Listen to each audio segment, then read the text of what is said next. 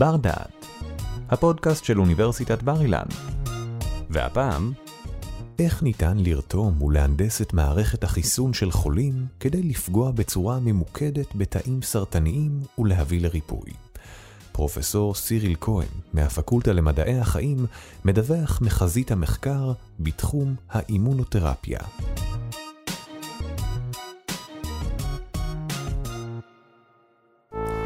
האם הפתרון למחלה כל כך קשה כמו סרטן בעצם נמצא כבר אצלנו? האם הגוף שלנו ומערכת החיסון שפועלת ללא הפסקה מסוגלת לזהות ולחסן גידולים סרטניים? לגבי השאלות האלה וגם האפשרות שלנו להשפיע על התגובה הזאת, אנחנו בעצם נקדיש כמה דקות וננסה להבין בראש ובראשונה מיהו האויב, מהי מחלת הסרטן. אז הגוף שלנו מורכב מתאים. כדי לדייק, כ-60 אלף מיליארד תאים. הכל נגזר מתא אחד ברגע ההפריה, שהשתכפל והתמיין לכל מיני תאים. יש לנו תאי עצם ותאי הצב, יש לנו תאי דם אדומים ותאי דם לבנים. יש לנו תאי שריר, תאי כבד, תאי עיניים. כל התאים האלה התחילו את דרכם מתא אחד. מאיפה מגיע המידע שנותן לתא את האפשרויות שלו גם להשתכפל וגם למלא פונקציות שונות בגוף שלנו? מגיע ממולקולה שאנחנו קוראים לה DNA. המולקולה הזאת ארוכה למדי, והיא בעצם מהווה הוויקיפדיה של כל תא ותא בגוף שלנו. בתוך ה-DNA חומר התורשה, שאנחנו יורשים מההורים שלנו, מחצית מאבא, מחצית מאימא, טמון כל מה שהגוף צריך כדי להתקיים. מעבר לכך, כפי שאמרנו, התאים שלנו מקורם מתא אחד בודד שנוצר ברגע ההפריה, כאשר תוכנית הפעולה של התא נגזר מההורים. ה-DNA מהאבא, ה-DNA מהאימא, וה-DNA, מעבר לכך שהוא מכתיב איך תא צריך להתנהג, איזה חומרים הוא צריך לייצר כדי לפעול בפונקציה הספציפית שלו, ה-DNA גם מכתיב לתא מתי הוא צריך להשתכפל. כי כולם מבינים שכדי להגיע מתא אחד ברגע ההפריה ל-60 אלף מיליארד תאים בחיים הבוגרים, אפילו של תינוק, אנחנו צריכים שהתאים האלה או התא הראשוני יתחלק. לדבר הזה אנחנו קוראים חלוקת תאית, והיא דרושה גם כאשר הגוף צריך לגדול ולהתפתח, אבל היא גם דרושה כאשר צריך, לדוגמה, לרפא פצעים. יש בקרה של החלוקה הזאת, והיא נדרשת. לדוגמה, אם חלילה מישהו נפצע ביד, נחתך, אנחנו יודעים שמתחת לגלד התאים משתכפלים עד גבול מסוים, ואז מפסיקים, כדי להשלים את החסר בסך הכל. לא תצמח לנו אצבע חדשה, ולא נקבל זרוע חדשה כתוצאה מפציעה. לכן, יש תהליכים שאומרים לתאי הגוף, תתחלקו, כמו שיש תהליכים שאומרים לתאי הגוף, תפסיקו. והבקרה הזאת תמונה גם ב-DNA. מה קורה בסרטן? סרטן זה שם כללי לכ-200-300 מחלות, שבהם, בצורה מאוד פשוטה, אני אסכם את זה, תאים מאבדים את בקרת החלוקה. הם מתחילים להתחלק ללא הרף.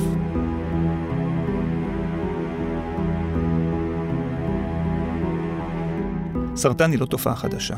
סרטן כבר קיים הרבה שנים, אלפי שנים, יש כבר דיווחים על הנושא הזה, ואנחנו יודעים שבסך הכל המחלה הזאת מובילה לכך שיש גידול לא מבוקר של תאים. אותם תאים שגדלים יוצרים גידול סרטני, שיכול להיות אלים, ולפרוץ לכל מיני מקומות. כל זה קורה בגלל עיבוד של חלוקה או בקרת החלוקה של התא. ואמרנו שזה נובע מהתפקוד של ה-DNA, אז איך בעצם ה-DNA משתנה? מדובר בעצם, כשאנחנו מסתכלים על ה-DNA, ברצף ארוך של שלושה מיליארד אותיות. מספיק, לפי מחקרים עדכניים, שכמה מאותיות, ממש מספר חד-ספרתי של האותיות האלה, יתחלפו, כדי שבעצם התא מתחיל להשתגע ויתחלק ללא הרף. דמיינו לעצמכם, תחשבו שלדוגמה היה כתוב ב-DNA שלנו, פקודה תתחלק כל שנה. ובואו נניח שכתוצאה ממוטציה, ועוד מעט נסביר מאיפה המוטציות האלו מגיעות, כתוצאה ממוטציה, י', אות י', הכי קטנה באלף-בית העברי, נכנסת בין הנון לה'. עכשיו, משינוי מאוד קטן, אנחנו מקבלים את המילה שנייה, תתחלק כל, כל שנייה.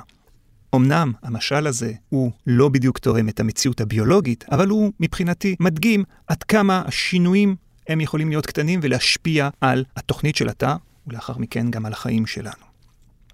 לכן, כשאנחנו מסתכלים בעצם על התהליך הסרטני, אנחנו רואים שהוא נובע בדרך כלל משינוי ב-DNA, לשינוי הזה, שוב, אנחנו נותנים שם של מוטציה או מוטציות ב-DNA, שיונים של אותיות, הכנסה של אותיות, חסר של, של אותיות, שינוי של אות אחת באות אחרת. מה גורם לשינויים האלה?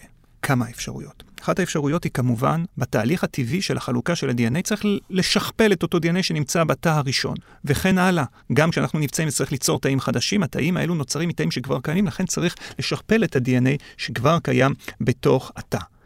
אז באופן כללי, כשמשכפלים DNA, שלושה מיליארד בעצם אותיות, שאנחנו קוראים להם שלושה מיליארד בסיסים, יכול להיות שיקרו טעויות. יש לנו מנגנונים בתא שמונעים את הטעויות האלה, אבל לפעמים לא מספיק יעילים. נוסף על כך, אנחנו בעצמנו, בגלל ההתנהלות היומיומית שלנו, יכולים לעודד היווצרות של טעויות כאלה, אם זה בגלל עישון, אם זה בגלל חשיפה לשמש בלי הגנה. גם חומרים כימיים וגם אמצעים פיזיקליים יכולים לגרום לשינוי ב-DNA, והשינויים האלה יכולים להיות ברי משמעות, כמו יצירה של סרטן, יכולים גם להיות ללא שום משמעות, כי הם קורים במקומות לא קריטיים בתוך ה-DNA.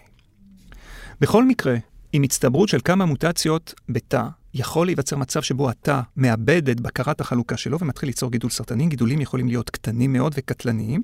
גידולים סרטניים יכולים להיות גם גדולים, ולא לאיים על הבן אדם אם מזהים אותם בזמן.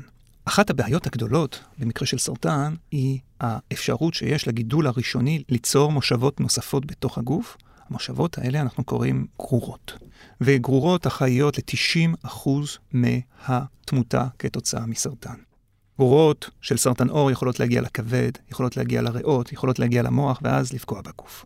טיפולים כנגד סרטן אין הרבה, אבל המוצלח ביותר אם מזהים את הגידול בזמן וניתן לנתח הוא בהחלט ניתוח כירורגי שמסיר את הגידול, אבל לא תמיד ניתן להוציא את הגידול. לפעמים הסרטן יתפשט ואז צריך לתת תרופות כמו כימותרפיה, שבעצם אלו תרופות שמחסלות תאים שמתחלקים מהר, קרי תאי סרטן, אבל גם תאים של מערכת העיכול, תאי שיער, וזה מסביר את התופעות לוואי. יש גם טיפולים הורמונליים, טיפולים ביולוגיים, יש גם הקרנות, כל הטיפולים האלה מנסים, לפעמים בהצלחה, לתת מענה לבעיה המרכזית שהיא מחלת הסרטן. אני רוצה להתרכז בסוג טיפולים חדשים שנקרא אימונותרפיה. האימונותרפיה היא בעצם שיטה טיפולית שמתבססת על מערכת החיסון. כלומר, דרך להשתמש במרכיבים של מערכת החיסון, או להפעיל את מערכת החיסון למטרות תרפויטיות. אימונותרפיה של סרטן היא בהחלט מהווה תקווה להרבה סוגים של סרטן ולהרבה חולים. לצערנו, עדיין לא לכולם ולא בכל מקרה של גידול סרטני. בזכות ההתקדמות האדירה של התחום הזה, בשנת 2018, שני חוקרים, ג'ים אליסון וטסוקו אונג'ו, קיבלו פרס נובל על המאמצים וההצלחות שלהם בלהפעיל את מערכת החיסון. איך מערכת החיסון עובדת? בצורה מאוד בסיסית ופשוטה. ישנה פקודה אחת למערכת החיסון שהיא צריכה למלא, להגן על העצמי בפני הזר. מיהו העצמי? זה הגוף שלי, כל תאי הגוף שלי. מיהו הזר? זה בעצם כל מה שלא נוצר בתוך הגוף שלנו. לדוגמה, תאים ממקום אחר, וירוס, חיידק, טפיל, מערכת החיסון מורכבת ממספר תאים. כמו צבא, ישנם תאים שפועלים כהרשה כבדה, וישנם תאים שהם בעצם שייכות לסיירות. תאים, תאי דם לבנים שמסוגלים להסתובב בין התאים שלנו ולזהות את התאים הבעייתיים, או את החיידקים שחדרו לגוף שלנו. חלק מהתאים האלה נקראים לימפוציטים. הם תאי דם לבנים שהם מאוד מאוד מדויקים בזיהוי, ביכולת הזיהוי שלהם ובאפשרות להרוג את התא הסורר. והם מאוד חשובים כאשר אנחנו נלחמים בווירוסים וגם כאשר אנחנו נלחמים בסרטן.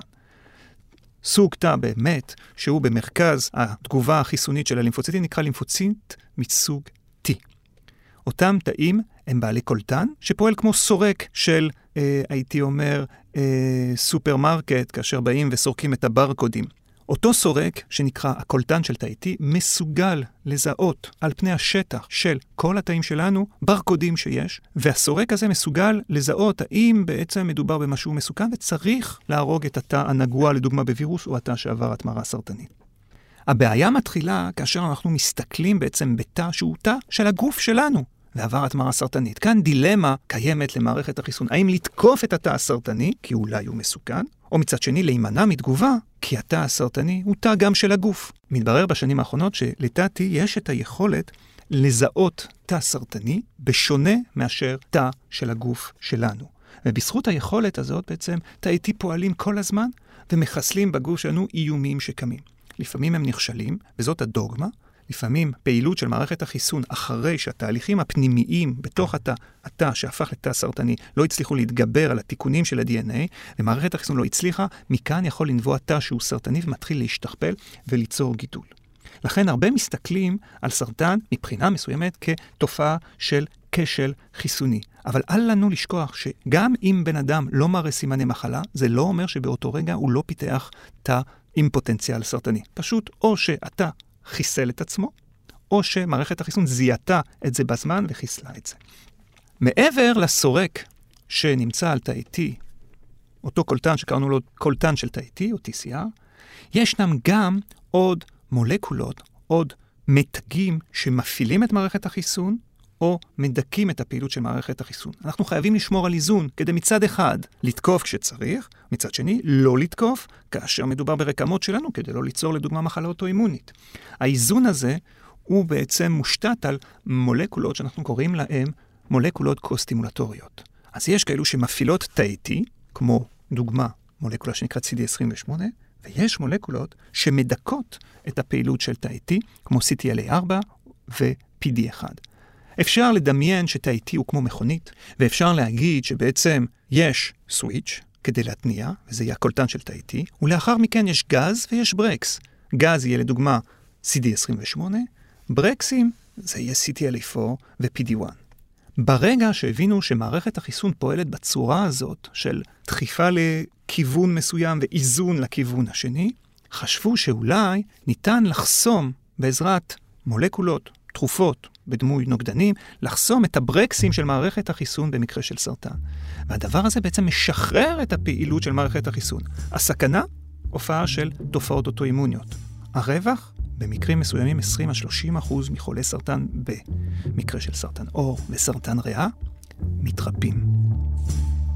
חווים נסיגה של הגידול, ובצורה מדהימה יכולים לחיות חיים חדשים.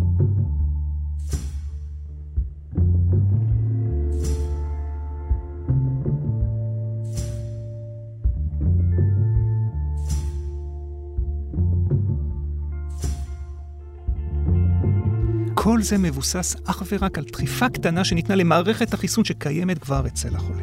והאפשרות הזאת בעצם לבצע שינויים בהתנהגות של מערכת החיסון בעזרת תרופות, בעזרת התערבות חיצונית, הופכת את התחום הזה של האימונותרפיה למאוד רלוונטי, אפילו הייתי אומר עד כדי תחום או גישה מהפכנית לטיפול בסרטן. עדיין המלאכה רבה מאוד לפנינו, אבל אנחנו יודעים שתאיטים מסוגלים לעשות את זה. דרך אחרת להרוויח את הפעילות הזאת של תאי ה-T שהיא נגד סרטן, היא לפעמים לגשת לתוך גידולים, כלומר, לגשת ולהוציא גרורות מגידולים סרטניים, לבודד את תאי ה-T מתוך הגידול, להרבות אותם במעבדה, ואז להזריק אותם לחולה. אחד האנשים שפיתח את השיטה הזאת לפני כמעט 35 שנה היה דוקטור סטיב רוזנברג מהמכון הבריאות הלאומי בארצות הברית, מכון לחקר הסרטן, שאיתו זכיתי להתמחות חמש שנים, והוא בעצם חשב שלפעמים הכל קיים, המערכת קיימת, רק צריך לתת לה בעצם אפשרות לחיות יותר טוב או להתרבות בחוץ, אז להוציא מתוך הגידול את תאי הדם הלבנים, גידול מתוך הגידול את תאי הדם הלבנים שנלחמים כנגד הגידול ומתעייפים כתוצאה מהמל, מהמלחמה הזאת, מהלחימה בלתי פוסקת, לתת להם מקום נוח במעבדה להתרבות, לחזק אותם, אז להחזיר אותם לחולה. טיפולים כאלה הביאו לנסיגה של גידולים בכ-50 אחוז, מחולי המלנומה, סרטן עור שטופלו, וכיום מנסים להרחיב את הגישות האלה לסוגי סרטן נוספים. מה לעשות כאשר אי אפשר למצוא תאים כאלה, תאי T בתוך הגוף? אולי הם לא נוצחו, אולי הם עייפים מדי, אולי אי אפשר להרבות אותם במעבדה. לכך נפתח תחום חדש שנקרא אינדוס גנטי של תאי T. האפשרות בעצם שיש לנו היום להשתמש בתאי T מהגוף ולהנדס אותה גנטית, הפכה להיות רלוונטית גם קלינית, כי כבר אושרו תרופות יחידות מסוגן משנת 2017, בהם ניתן לקחת תאי T מזרם הדם של החולים, ובמעבדה לשנות אותם כדי שהם יבטאו קולטנים שהופכים אותם לספציפיים לסרטן. כלומר, אני לוקח עכשיו בעצם תא, שיש לו את כל הפוטנציאל שלו להילחם, נגיד, כנגד סרטן, אבל הוא לא מצליח לזהות את התא הסרטני. ומה שאני עושה, אני בעצם גורם לו בצורה של הנדסה גנטית, בצורה של שינויים שאנחנו מומחים כולל במעבדה שלי לעשות, אנחנו ש... משנים את ההתנהגות שלו על ידי כך שיש לו עכשיו משקפיים חדשים כדי לזהות תאים סרטניים. חלק מהשיטות האלה פותחו כבר לפני כ-30 שנה על ידי פרופסור זלי גשחר ופרופסור גידי גרוס, שהבינו שניתן לכוון מחדש את הזיקה של תאי T בעזרת הכנסה של מולקולה אחת, של רצפטור, של משקפיים חדשים שיעזרו להם לזהות תאים סרטניים. כמו כן, הקבוצה של מורגן, שבה השתלמתי יחד עם סטיב רוזנברג, היו הראשונים להראות שניתן לעשות את זה בחולים בעזרת קולטן של תאי T, שבודד מחולים שמגיבים כנגד סרטן, ובעזרת העברת המידע שמסבירה לתא איך לבנות את הקולטן הזה מחולים שכן מגיבים לסרטן שלהם לחולים אחרים שאין להם את הקולטן הזה, יוצרים מערכת חיסון מלאכותית חדשה שיכולה להילחם כנגד סרטן.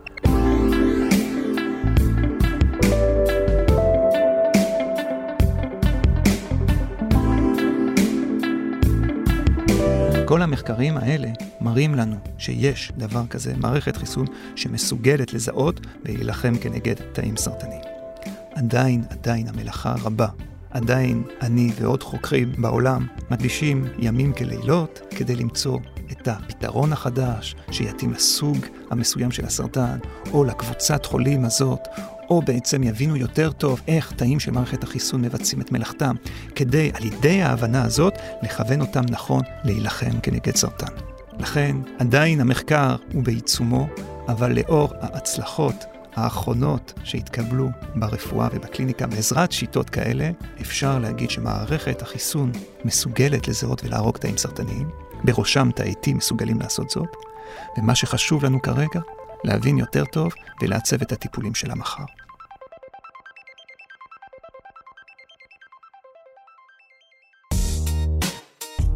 תודה שהאזנתם לבר דעת. מיטב המרצים והחוקרים של בר אילן בחרו עבורכם את הנושאים המסקרנים ביותר מתחום התמחותם. התוצאה? ספריית פודקאסטים משובחת שכולה זמינה לרשותכם. בר אילן, משפיעים על המחר, היום. עורך דור קומט. מפיק ראשי אורי טולדנו. תודה על ההאזנה.